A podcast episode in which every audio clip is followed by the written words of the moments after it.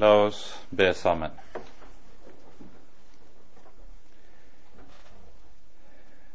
Kjære gode Gud, Hellige Far. Så takker og lover vi deg på ny for all din nåde og all din godhet imot oss. Takk, Herre, at du vil være vår Gud og vår Far, og at vi skal få høre deg til, være dine barn i fred. Takk, Herre, at du har gitt oss Jesus og at vi i ham skal få ha syndenes forlatelse og frihet fra loven og dommen ved ham. Nå ber vi deg, Herre, at du vil gi oss av din hellige ånd, og med din ånd gi oss stillhet for ditt ansikt slik at dine ord kan få nå inn og gjøre sin gjerning hos oss. Gi oss, Herre, lys i ordet ditt, slik du ser vi trenger det. For Jesus skyld. Amen.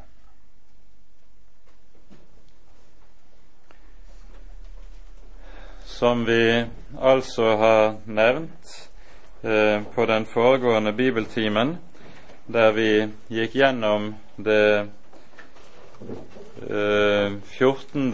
kapittelet i åpenbaringsboken, så eh, er vi nå begynt med dette avsnittet på åpenbaringens avslutning. Eh, og det er da slik at det store avsnittet som nå strekker seg fra kapittel 13 til og med kapittel 19, beskriver også historiens avslutning i det åpenbaringsboken likesom konsentrerer oppmerksomheten mot det historiske avsnitt som eh, vi finner rundt personen Antikrist og hans rike og alt det som vedrører dette. Dermed er det også slik at mens vi tidligere i åpenbaringsboken, der vi hørte om hvorledes de syv seil ble brutt, og deretter om de syv basuner som det ble blåst i, så er det slik i denne delen av boken at vi her mer allment hører om hva som skal kjennetegne historien gjennom hele eh, dens Vi får så å si et overblikk som skal gjelde hele historien, mens det altså nå konsentreres om den korte periode som alt i historien likesom leder frem imot den store avslutning, som da blir en kort fase i historien, men som likevel åpenbaringsboken da vier mye plass. Kapittel 14 det lar oss se inn bak forhenget, og det på sett og vis står da også kapittel 15 i forlengelsen av dette, men nå skyter det like som fart. Det er jo slik at åpenbaringsboken hele tiden er bygget opp på det vis at før vi hører om hva som skal foregå på jorden, får vi se hva som foregår i himmelen. Og det som foregår i himmelen, utgjør da forutsetningen for det som skjer på jorden. Og også her oppfylles altså Fader vårs eh, tredje bønn skje din vilje som i himmelen, så også på jorden. Og Med dette i minne leser vi nå først det femtende kapittelet. Jeg så et annet tegn i himmelen, stort og underfullt. syv engler som hadde de syv siste plager, for med dem er Guds vrede fullendt. Og jeg så like som et glasshav, blandet med ild, og dem som hadde seiret over dyret og dets bilde og dets navns tall, så jeg stå ved glasshavet med Guds harper i hånd. Og de sang Moses, Guds tjeners sang, og lammet sang og sa, Store og underfulle er dine gjerninger, Herre Gud, du allmektige. Rettferdige og sanne er dine veier, du folkenes konge. Hvem skulle ikke frykte Herre og ære ditt navn? Du alene er hellig, og alle folkene skal komme og tilbe for ditt åsyn, fordi dine rettferdige dommer er blitt åpenbart. Deretter så jeg, og tempelet med vitnesbyrdets telt i himmelen ble åpnet. Og de syv engler som hadde de syv plager, kom ut av tempelet, kledd i rent og skinnende lin, ombundet om brystet med gullbelter. Og et av de fire livsvesener ga de syv engler syv gullskåler fylt med Guds vrede, Hans som lever i all evighet. Og tempelet ble fylt med røk av Guds herlighet og av Hans makt, og ingen kunne gå inn i tempelet før de syv englers syv plager var fullendt.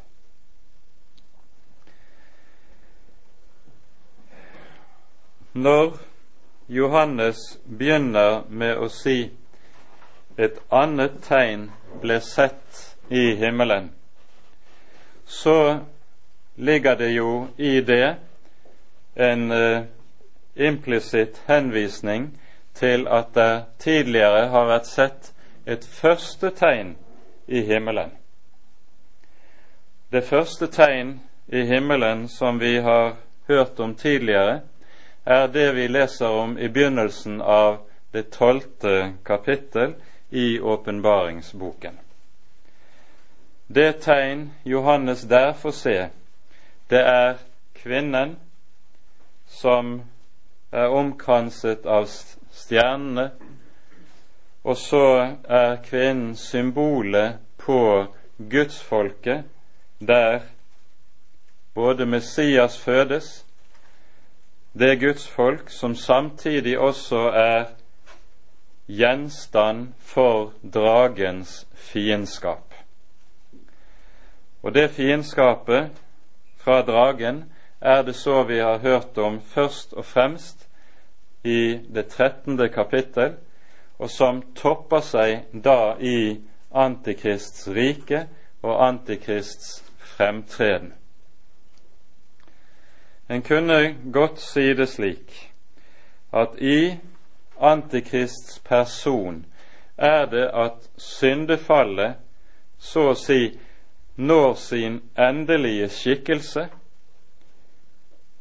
i det, det som er syndens fremste kjennetegn og dens grunnleggende vesen, det som sies i Første Mosebok 3.5 når slangen frister mennesket og sier dere skal bli like som Gud.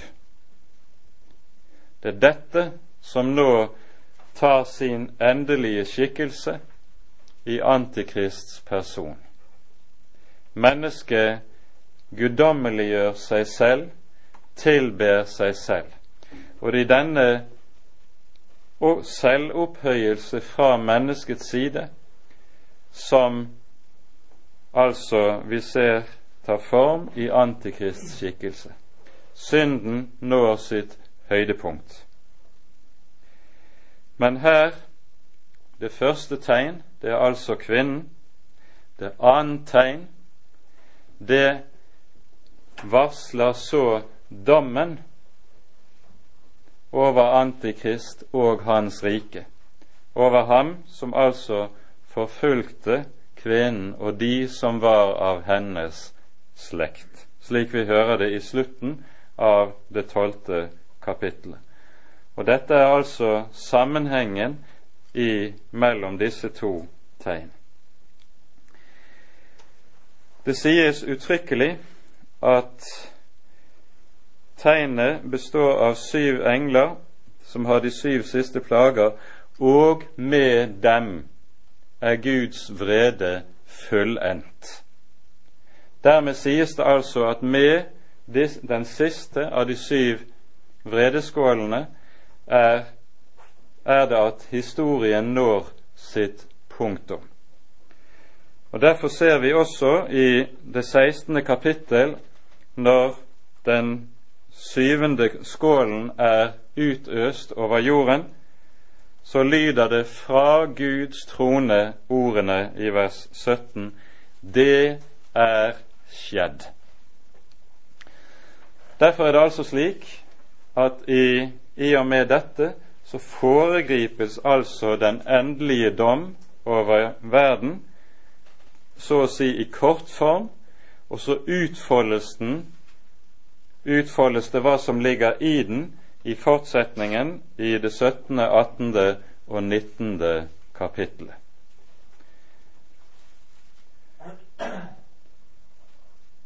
Det Johannes nå får se i tillegg, det er to ting. For det første så er det på ny slik at han stilles innenfor den himmelske helligdommen. Dette har vi vært inn på tidligere, der det er, jo er slik at himmelen er egentlige, det egentlige tempel, den egentlige helligdom, der Guds trone står i det aller helligste, det aller helligste i tempelet i Jerusalem eller i tabernaklet, det er kun et bilde på den himmelske helligdommen. Her ser han så glasshavet.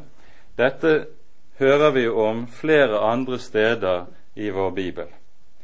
Det er liksom gulvet i helligdommen der Guds trone står. Første gangen vi hører om dette, er i 2. Moseboks 24. kapittel, der Gud i forbindelse med at pakten sluttes med Israel ved Sinai berg, så lar Israels eldste stige opp på Sinai, og så får de se Herren Israels hellige.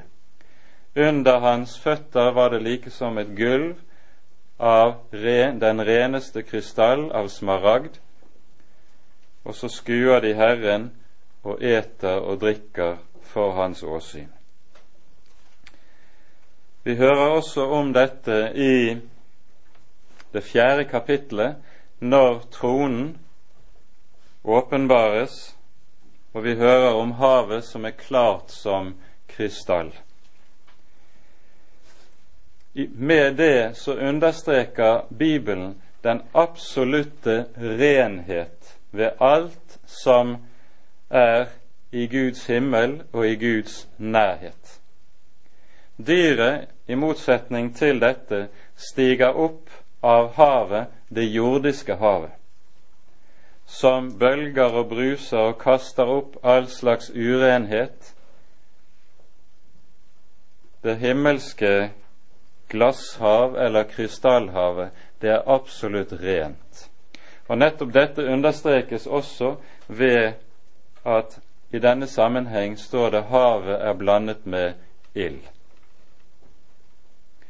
Her ved havet, glasshavet eller på havet, preposisjonen som brukes i grunnteksten, kan bety begge deler, står de som har seiret, sies det. Seiret over dyret og dets bilde og dets navns tall. De står med Guds harper i hånd.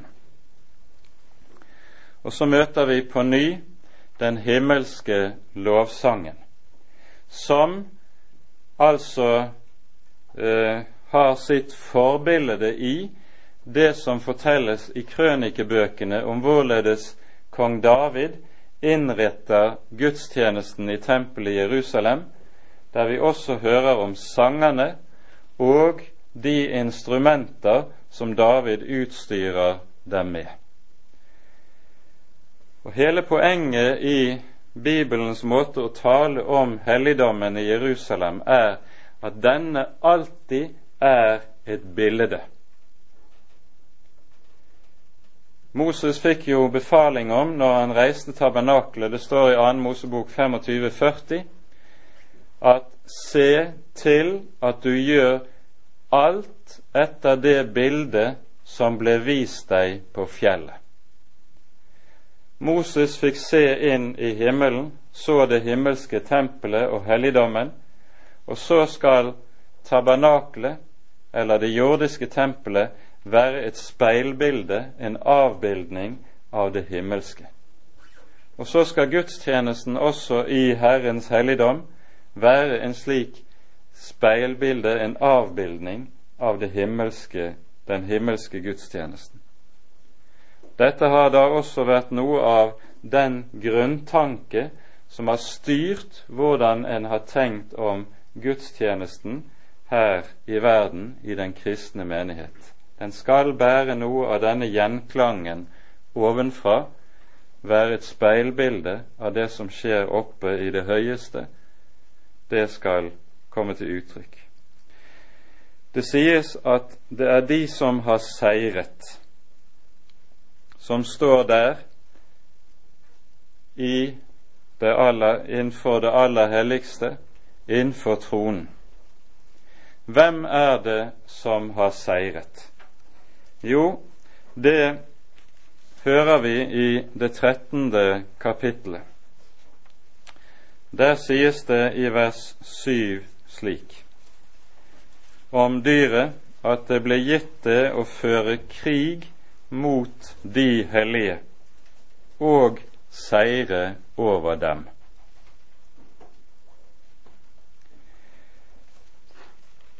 Gjennom den antikristelige forfølgelsestid, så skal altså Antikrist beseire den ytre jordiske kirke.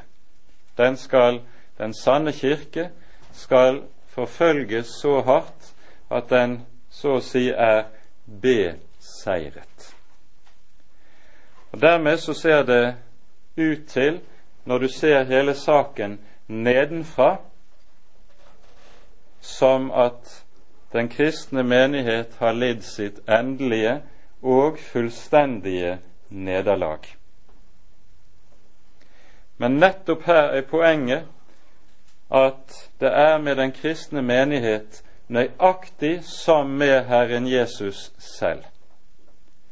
Han ble naglet til et kors. Og med det ytre øyet så ser dette også ut som det ytterste og det endelige nederlag.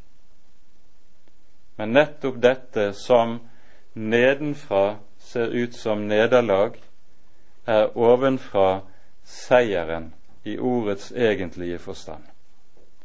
Og så er det martyriet som er seieren. Vi hører det sies i kapittel 12, det ordet som vi har gjentatt en rekke ganger fordi det er så sentralt i hele åpenbaringsboken om de som har nådd frem, sies det. De har seiret over ham, dvs. Si djevelen, i kraft av lammets blod og det ord de vidnet, og så sies det, og de hadde ikke sitt liv kjært like til døden. Det er altså hele veien her tale om martyriet.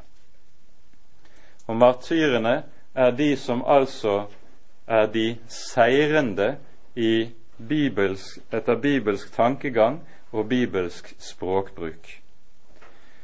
Det vi med andre ord lærer her, det er at vi skal skjelne meget nøye mellom det som det ytre øyet ser, og hvorledes saken tar seg ut i Guds øyne. det er to forskjellige ting. Martyriet er i Guds ord den endelige seier, like som Jesu død også var den endelige seier over synd, død, djevel og alt som ondt er. Disse er det som synger, og så hører vi sangen. Og nå forenes det er to slags sang. Tidligere har vi hørt lammets sang klinge i den himmelske gudstjenesten. I eh, kapittel fem, for eksempel, så synges det for lammet Verdig er du Guds lam, til å få makt og ære, pris og velde osv., fordi du ble slaktet og med ditt blod kjøpte oss til Gud. Det er lammets sang. Men her hører vi at lammets sang også smelter sammen med Moses' sang. Og så kalles det altså for Moses og lammets sang. Og hva tenkes det på med Moses' sang? Da tenkes det på først og fremst det som lyder i annen Moseboks 15. kapittel, der vi hører i kapittelet foran om hvorledes Israel går gjennom Det røde hav.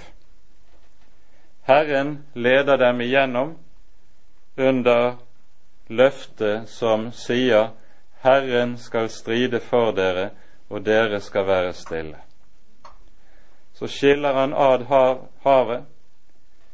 Folket går igjennom på bunnen, og når de står på den annen side, klapper havet sammen over farao og hans hær. Og så lyder det som et refreng i Moses sang. Herren er en stridsmann. Krigsmann og hest styrtet han i havet. Det er seierssangen for den konflikten som vi ser i annen Mosebok i samband med Israels utgang av Egypt. Det er så å si et urbilde på den konflikt som går gjennom hele Skriften, på den ene siden mellom Guds folk og på den annen verdensriket. Egypt representerer og symboliserer gjennom store deler av Det gamle testamentet nettopp verdensriket og verdensmakten og dens hat mot Herren og mot hans folk. Og så lyder Moses sang Herren er en stridsmann. Herren er den som seirer for sitt folk. Og så er det Moses og lammets sang som lyder her, når den antikristelige verdensmakt nå står foran sin endelige undergang. Og de, det vi nå hører i vers 3 og vers 4 i kapittel 15, Moses og lammets sang, det er hentet fra ulike deler både av Salmenes bok og fra profetenes skrifter. Dere kan se de skrifthenvisningene som står under, hvor de ulike eh, delene er hentet fra. Det er Det gamle testamentets lovsang og tilbedelse som klinger i alt det Salmenes bok. At disse, nettopp disse ordene står her, er heller ikke tilfeldig, for de står her nå som innbegrepet for, som et overlys over det som nå ligger foran, den endelige seier og avslutningen av historien. Vi går ikke nærmere inn på det, men fortsetter i vers 5. Deretter så jeg tempelet med vitnesbyrdets telt i himmelen ble åpnet og de syv engler som hadde de syv plager, kom ut av tempelet, kledd i rent og skinnende lin, ombundet om brystet med gullbelter. Likesom tempelet i Jerusalem var inndelt i flere rom, det aller helligste, det var det stedet for tronen, så har du foran dette det hellige. Og det der, i det hellige, prestene hadde sin daglige gang. Både morgen og kveld skulle de bringe frem røkofferet for uh, røkofferalter som sto i det aller unnskyld, i det hellige. Nå kommer prestene ut. For klesdrakten som disse englene nå skildres med, det er nettopp den drakt som prestene hadde i helligdommen. Hvite linklær og belte om brystet. Og beltet om brystet, det betegner at de er i tjeneste. Beltet er slik festet så lenge de er i tjeneste, og tas av så snart tjenesten da er slutt. Denne drakten som vi her hører om, har i Det gamle testamentet et bestemt navn. Den kalles for Den hellige skrud. Eh, for eksempel i Salme 96, vers 10, så sies det til Guds folk tilbe Herren i hellig prydelse eller i hellig skrud. Og da er tankegangen nettopp det at hele Guds folk er et kongelig presteskap, som altså skal være kledd i den hellige drakten, som også gir dem adgang inn i det hellige, som det hellige presteskapet. Dette er litt av det som ligger i det. Disse kommer nå ut av helligdommen,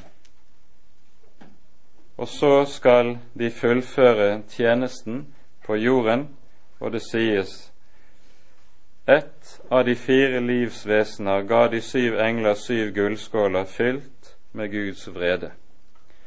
Gullskåler, det minner igjen om helligdommen.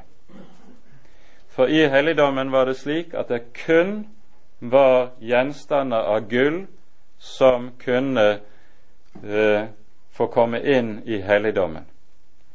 Intet annet metall, verken sølv eller kobber eller noe annet, kom inn i det hellige eller i det aller helligste. Kun gull. For gullet symboliserer i Bibelen det hellige, det symboliserer Guds herlighet og renhet. Så, og Derfor er det slike skåler som de nå kommer ut med i hendene, og så fylles de med vreden som skal utøses over jorden. Og idet dette skjedde og de har fått sitt oppdrag, sies det tempelet ble fylt med røk av Guds herlighet og av Hans makt, og ingen kunne gå inn i tempelet før de syv englers syv plager var fullendt. På ny en meget tett parallell til et gammeltestamentlig forbilde. Røken av Guds herlighet som det her er tale om, det går tilbake til det vi hører i 2. Moseboks 13. kapittel, der det fortelles at Herren gikk foran folket når han førte dem ut av Egypt, i en skystøtte om dagen og en ildstøtte om natten. Røken i skystøtten, det er den det taler om. Og så fortelles det i 2. Moseboks 40. kapittel når tabernaklet var ferdig reist og det skulle innvies, så står det og Moses således fullførte Moses verket, da fylte skyen helligdommen. Og ingen kunne gå inn i helligdommen så lenge Herrens herlighet fylte den. Det samme gjentar seg når Salomo har reist tempelet 480 år senere. Det hører vi om i første kongeboks åttende kapittel. Når dagen er kommet og helligtempelet skal innvies, så står det da fylte skyen tempelet. slik at ingen av prestene kunne gå inn i helligdommen og gjøre tjeneste så lenge skyen fylte den. Det samme saken som skjer her. Herrens herlighet fyller den himmelske helligdommen. Og så trer de syv engler til sitt verk. Vi leser kapittel 16. Jeg hørte en høy røst fra tempelet si til de syv engler. Gå av sted og tøm Guds vrede syv skåler ut på jorden. Og den første gikk av sted og tømte sin skål ut på jorden, og det kom en ond og farlig byll på de mennesker som hadde dyrets merke, og som tilba dets bilde. Den annen engel tømte sin skål ut i havet, og det ble til blod som av en død mann, og hver levende sjel i havet døde. Og den tredje engel tømte sin skål ut i elvene og vannkildene, og det ble til blod. Og jeg hørte engelen over vannene si, Rettferdig er du, som er, som var, du hellige, at du har dømt således. For blod av hellige og av profeter har de utøst, og blod ga du dem å drikke, de er det verd. Og jeg hørte alteret si, Ja, Herre Gud, du allmektige, sanne og rettferdige er dine dommer. Og den fjerde engel tømte sin skål ut på solen, og den fikk makt til å brenne menneskene med ild. Og menneskene brente i svær hete, og de spottet Guds navn, Hans som har makt over disse plager, og de omvendte seg ikke til å gi ham ære. Og den femte engel tømte sin skål ut over dyrets trone, og dets rike ble formørket, og de tygget sine tunger av pine. Og de spottet himmelens Gud for sine piner og for sine byller, og omvendte seg ikke fra sine gjerninger. Den sjette engel tømte sin skål ut i den store elv Eufrat, og vannet i den tørket bort, for at der skulle ryddes vei for kongene fra Østen. Og jeg så at det av dragens munn og av dyrets munn og av den falske profets munn kom ut tre urene ånder som lignet padder. For de er djevleånder som gjør tegn, og de går ut til kongene over hele jorderiket for å samle dem til krigen på Guds den allmektiges store dag. Se, jeg kommer som en tyv. Salig er den som våker og tar vare på sine klær, så han ikke skal gå naken og de skal se hans skam. Og han samlet dem på det sted som på hebraisk heter Har Mageddon og den syvende engel tømte sin skål ut i luften, og en høy røst kom fra tempelet i himmelen, fra tronen, og sa, Det er skjedd. Og det kom lyn og røster og tordner, og det kom et stort jordskjelv slikt som det ikke har vært fra den tid menneskene ble til på jorden. Et sådant jordskjelv så stort og den store by, by ble delt i tre deler, og folkenes byer falt, og Babylon, den store, ble ihukommet for Gud, at den skulle få begeret med hans strenge vredes vin. Og hver ø vek bort, og fjell ble ikke funnet, og et svært hagl, som en hundre pund, falt ned fra himmelen på menneskene, og menneskene spottet Gud for haglets plage, for plagen av det var meget stor.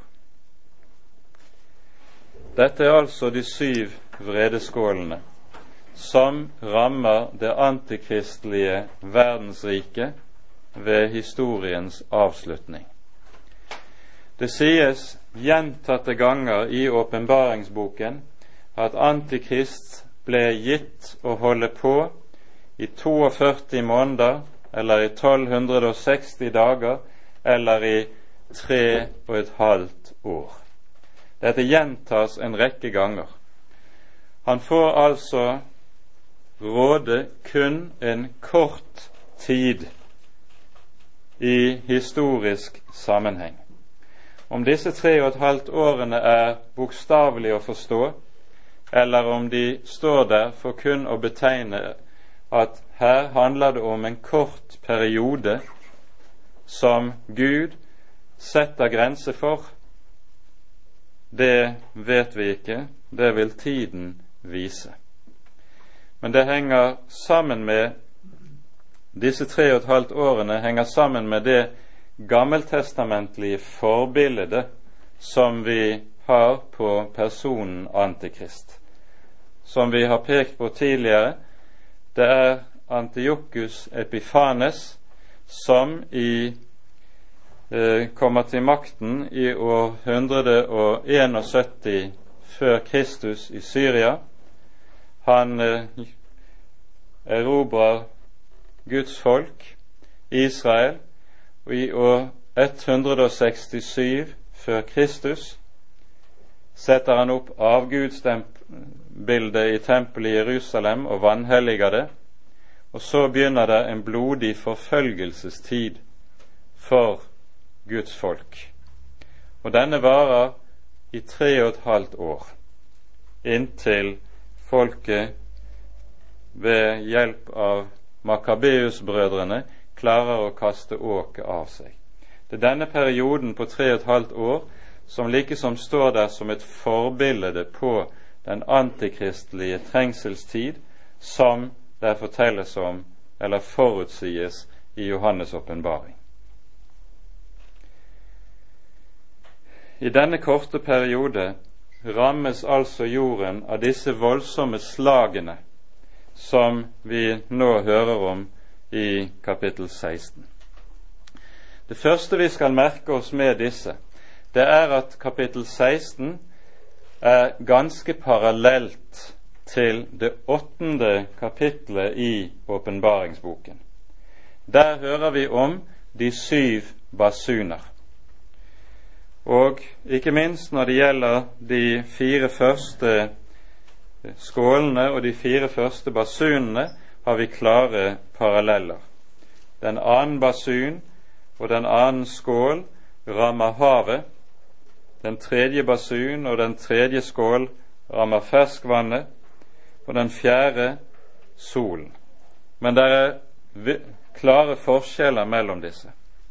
Når det gjelder det vi hører i det åttende kapittel, så sies det en tredjedel av vannet i havet ble rammet og en tredjedel av ferskvannet ble rammet. Men nå sies det alt.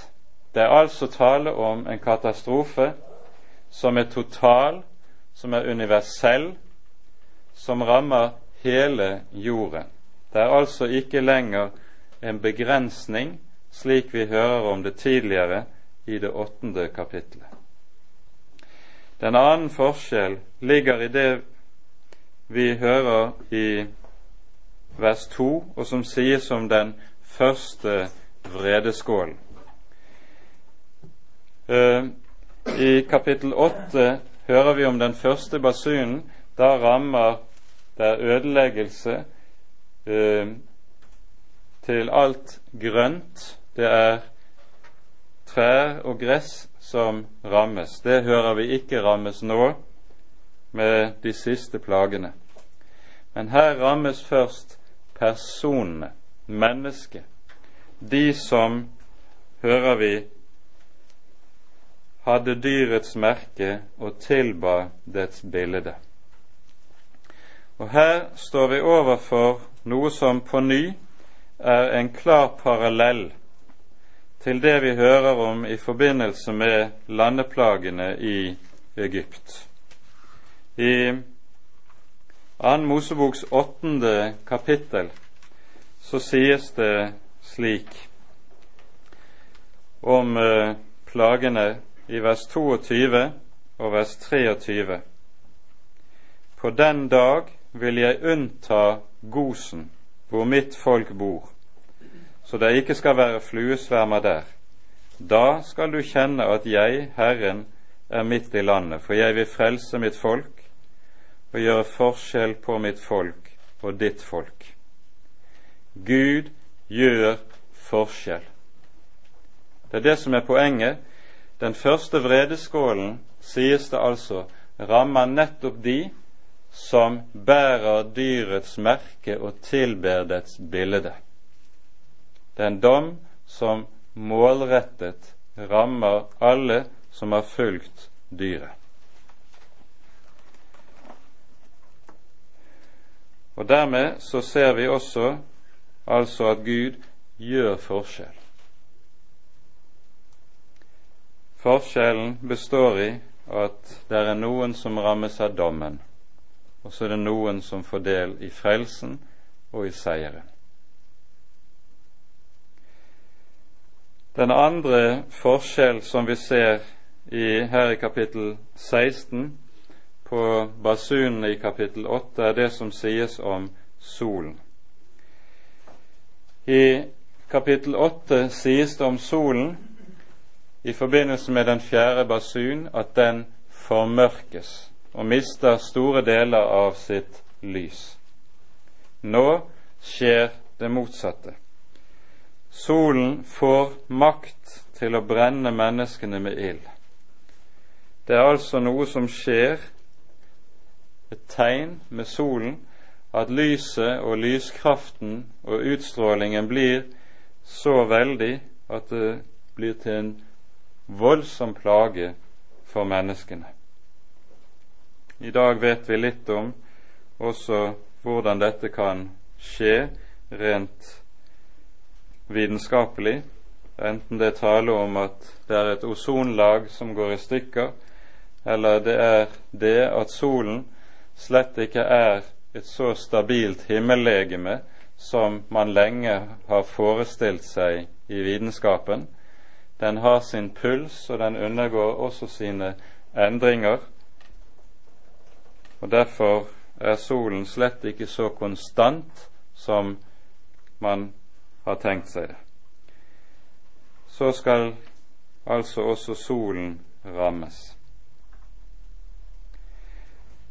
Så sies det, og nå er det de siste tre fra det med den femte skålen til og med den syvende så forberedes med det den endelige avslutning. For det første rammes dyrets trone, sies det med den femte skålen. Det vil si det som er hans maktsentrum og hans maktbasis. Og så bemerkes det i dette avsnittet de spottet himmelens Gud og omvendte seg ikke fra sine gjerninger. Og Her ser vi hvorledes åpenbaringsboken henter inn en tanke som i Det gamle testamentet er helt fundamental når det er tale om Guds straffedommer i historien, nemlig at når Gud lar sine dommer komme inn i historien, så er det alltid med det for øye om mulig å bøye mennesket til omvendelse. Dette sies kanskje aller sterkest i et av hovedavsnittene i Mosebøkene, nemlig Tredje Mosebok 26. kapittel. Her har vi et avsnitt fra vers 18 til og med vers 28, der Herren taler om hvilke slag han vil la ramme folkelivet dersom folket vender ham ryggen og gir synden rom og synden makt. Og Da hører vi det som et omkved fra vers 18 av slik Dersom dere enda ikke lyder meg, da vil jeg tukte dere. Vers 21 Dersom dere enda står meg imot, og ikke vil lyde meg. Vers 23. Dersom dere enda ikke lar dere tukte av meg, men står meg imot. Gud sender sine dommer inn i historien med dette for øye.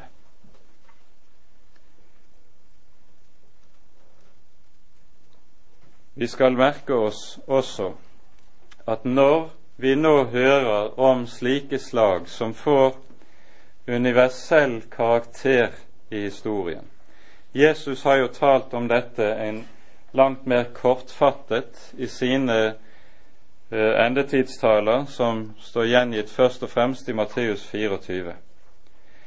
Når vi hører om dette som skjer med hele skaperverket, så henger dette også sammen med noe av det som sies allerede på Bibelens første blad.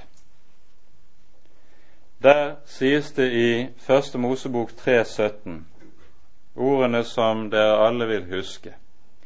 Fordi du gjorde dette, skal jorden være forbannet for din skyld.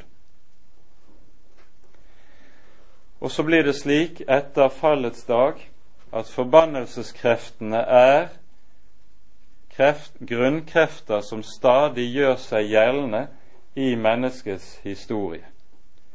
Det er disse som ytrer seg i alle mulige og alle hånde sykdommer som kan ramme menneskene. Ulykker og naturkatastrofer og slike ting. Dette er slike forbannelseskrefter som er, er kommet inn i historien i og med og på grunn av syndefallet. Og disse kreftene har det med seg at Bibelen lærer oss at det er en dyp sammenheng nettopp mellom syndens makt og forbannelseskreftenes makt i historien. Og det på en slik måte at der synden vokser i omfang og i kraft, der vokser også forbannelseskreftene i omfang og i kraft slik at når vi ved historiens avslutning hører at syndefallet likesom endelig har utfoldet seg, synden har nådd sitt mål, da er det også at forbannelseskreftene når en voldsomhet inn i historien som savner sidestykke tidligere. Og det er dette som så å si er den indre sammenheng i det som skjer, og som åpenbaringsboken forteller om mot historiens, når det lakker mot historiens avslutning. Det er viktig å være oppmerksom på denne indre sammenheng. For dermed så er det slik at forbannelseskreften og disse veldige ulykkene som rammer menneskeheten, det er to ting på én og samme tid. For det første er det uttrykk for Guds dommer, og samtidig er det den naturlige konsekvens og frukt av menneskets synd og ondskap. Synden fører alltid forbannelsen med seg. Det et menneske sår, skal det også høste. Det er en grunnlov i Bibelen. Og det gjelder ikke bare i det personlige liv, det gjelder like mye i historiens liv og utvikling. Og Derfor er det også at vi hører om disse fryktelige ting som skal kjennetegne historiens avslutning. Mange har spurt hvordan kan Gud i det hele tatt tillate slikt og la slikt skje? Kanskje vi kunne svare med en fortolker, bibelfortolker, som taler om disse ting og sier bedre er det med en ende med forferdelse enn forferdelse uten ende. For nettopp dersom Antikrist og hans vesen skal få lov til, skulle få lov til å fortsette uten at den hellige Gud satte en sluttstrek og lot sine dommer ramme det hele. Dersom det ikke hadde skjedd, så hadde det blitt forferdelse uten ende i historien. Men Herren har satt et mål. En dag stanser han det hele og griper inn til den avgjørende dom. Og denne dom har da det med seg, og det er det forunderlige, at det er nettopp den antikristelige ondskap som så å si driver seg selv i retning av det, driver seg selv mot stupet. For det onde har det med seg at der det utfolder seg fullt ut, så ødelegger det også samtidig seg selv. Og Det er noe av det vi hører om her, og som skjer i de kommende kapitler. Og det er dette som nå likesom forberedes i det vi hører sies i, om den sjette vredeskålen. Den ble tømt ut over den store elv, elven Eufrat, og vannet i den tørket bort for at det skulle ryddes vei for kongene fra Østen. Nå har Antikrist i tanke å samle alle jordens konger til det endelige, store felttoget. Og det er to slag som planlegges. Det ene er for det første at Babylon, hans egen hovedstad, skal ødelegges. Det er tema i neste kapittel. Og så er målet Guds folk. Og Derfor hører vi om det store felttog som nå forberedes, der det store slaget kommer på Har-Mageddon. Og Har-Mageddon, det er, bemerkes det jo her, det er navnet, det hebraiske navnet. Det er, betyr Megiddos fjell. Og Megiddo er i eh, Israel en by som ligger på en liten høyde i dalen Jisrael, mellom Karmel, det er de sydlige Galilea, litt sør for Karmel. Ehm, her sto det i gammeltestamentlig tid to avgjørende slag. Og det viktigste som i denne sammenheng åpenbaringsboken sikter til og henspiller på, er det veldige slaget som vi leser om i Dommerboken i det fjerde og femte kapittel. Der Sisera, som er en konge for kananittene, og som Israel ikke hadde maktet å utrydde, samler en voldsom hærmakt mot Israel, som der Guds folk egentlig ikke har noen ting de kan stelle opp imot, men ved Herrens inngripen lider Sisera et veldig nederlag. Og så hører vi lovsangen i Dommerboken kapittel 5, Deboras sang, der hun sier i vers 19 og 20 i Dommerboken 5 at himmelen med dens stjerner, og altså med dens engler, stred mot Sisera og seiret for Guds folk som egentlig var hjelpeløse i den kampen som sto der. Og Denne seieren som vi da hører om her, den blir forbildet på den seier som Herren skal overvinne Antikrist med i den siste store og avgjørende kamp. Og så har vi Harmageddon, som omtales i denne sammenheng. Når det sies at Eufrat tørkes ut, så sikter dette til det at elven Eufrat i oldtiden dannet en naturlig grenselinje og forsvarslinje mot øst. Romerriket hadde i meget lang periode sin østlige grense der, som var relativt trygg, nettopp fordi Eufrat er en så veldig elv det er ikke lett for noen her å komme over der. Nå skal den tørkes ut, og så gjøres det klar for dette toget som skal bli Antikrists endelige undergang. Og Da skal vi kanskje henlede oppmerksomheten på noe som vi leser i Davids salme 92. Dette er en salme som eh, både på Jesu tid og i vår tid blir lest i den jødiske morgenbønn hver sabbat. Og Her settes det ord på noe av det som nettopp er den indre dynamikken i historiens avslutning, der Antikrists rike til slutt går under. Vi leser fra vers 5 til og med vers 9. Du har gledet meg, Herre, med ditt verk. Jeg jubler over dine henders gjerninger.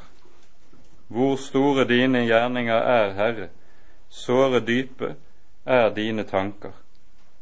En ufornuftig mann skjønner det ikke, en dåre forstår ikke dette.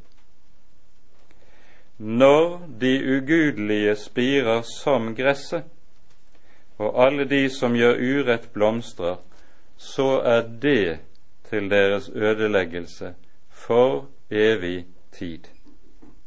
Men du er høy til evig tid, Herre. Legg nøye merke til det vi hører i vers 8. For her ligger der en indre lovmessighet som Herren også har satt inn i historien.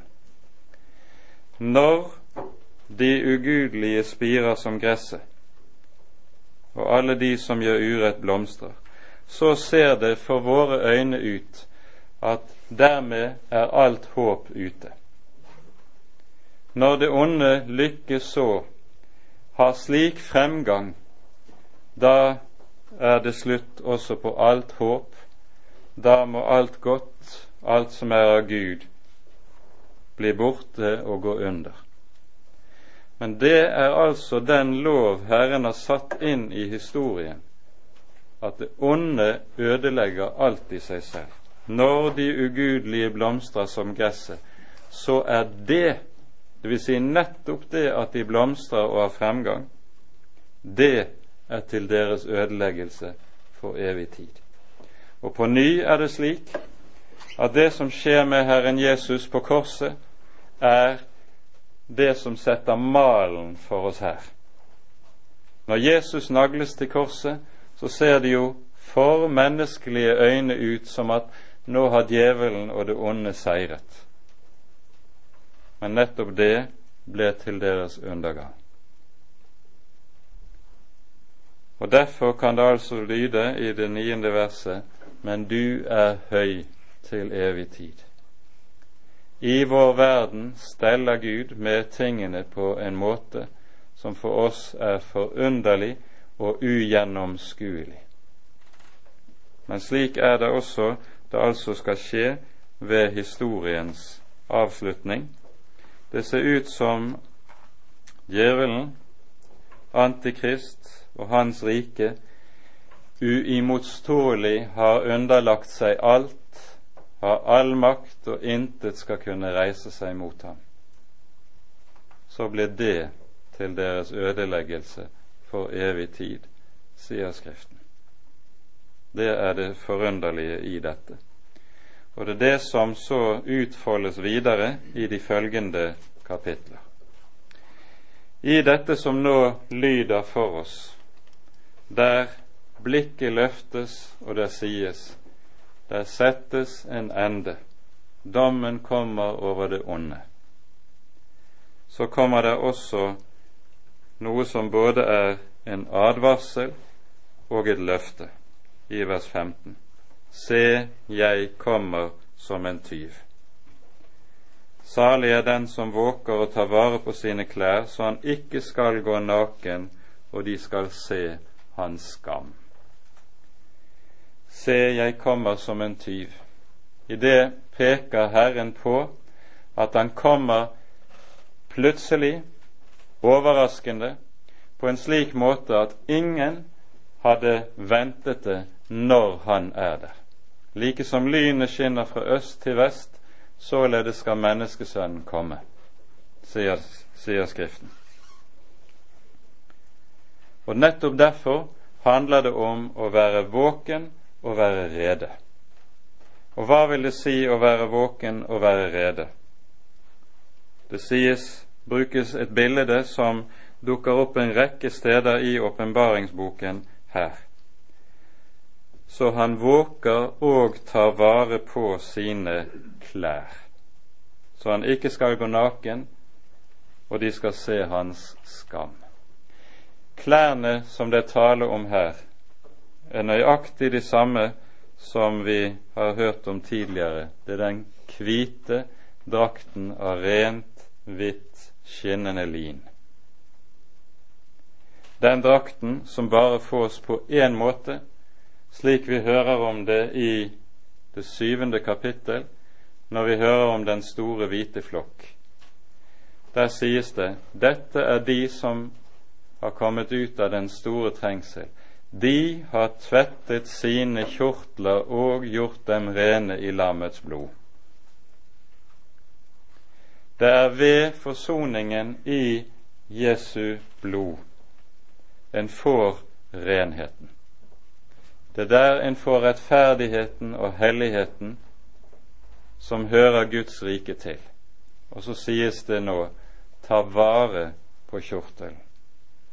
Med andre ord se til at det du har fått i og med Jesu død, i og med forsoningen for synden, at det ikke glipper deg av hende, og at du mister det. Er dette Brorson synger i en sammenheng Begynt er ikke endt, det merk i tide. Det handler om at den gave vi har fått ved budskapet i evangeliet, den skal vi også ta vare på. For det er den som kler meg i renhet, hellighet og rettferdighet. Og saken er jo den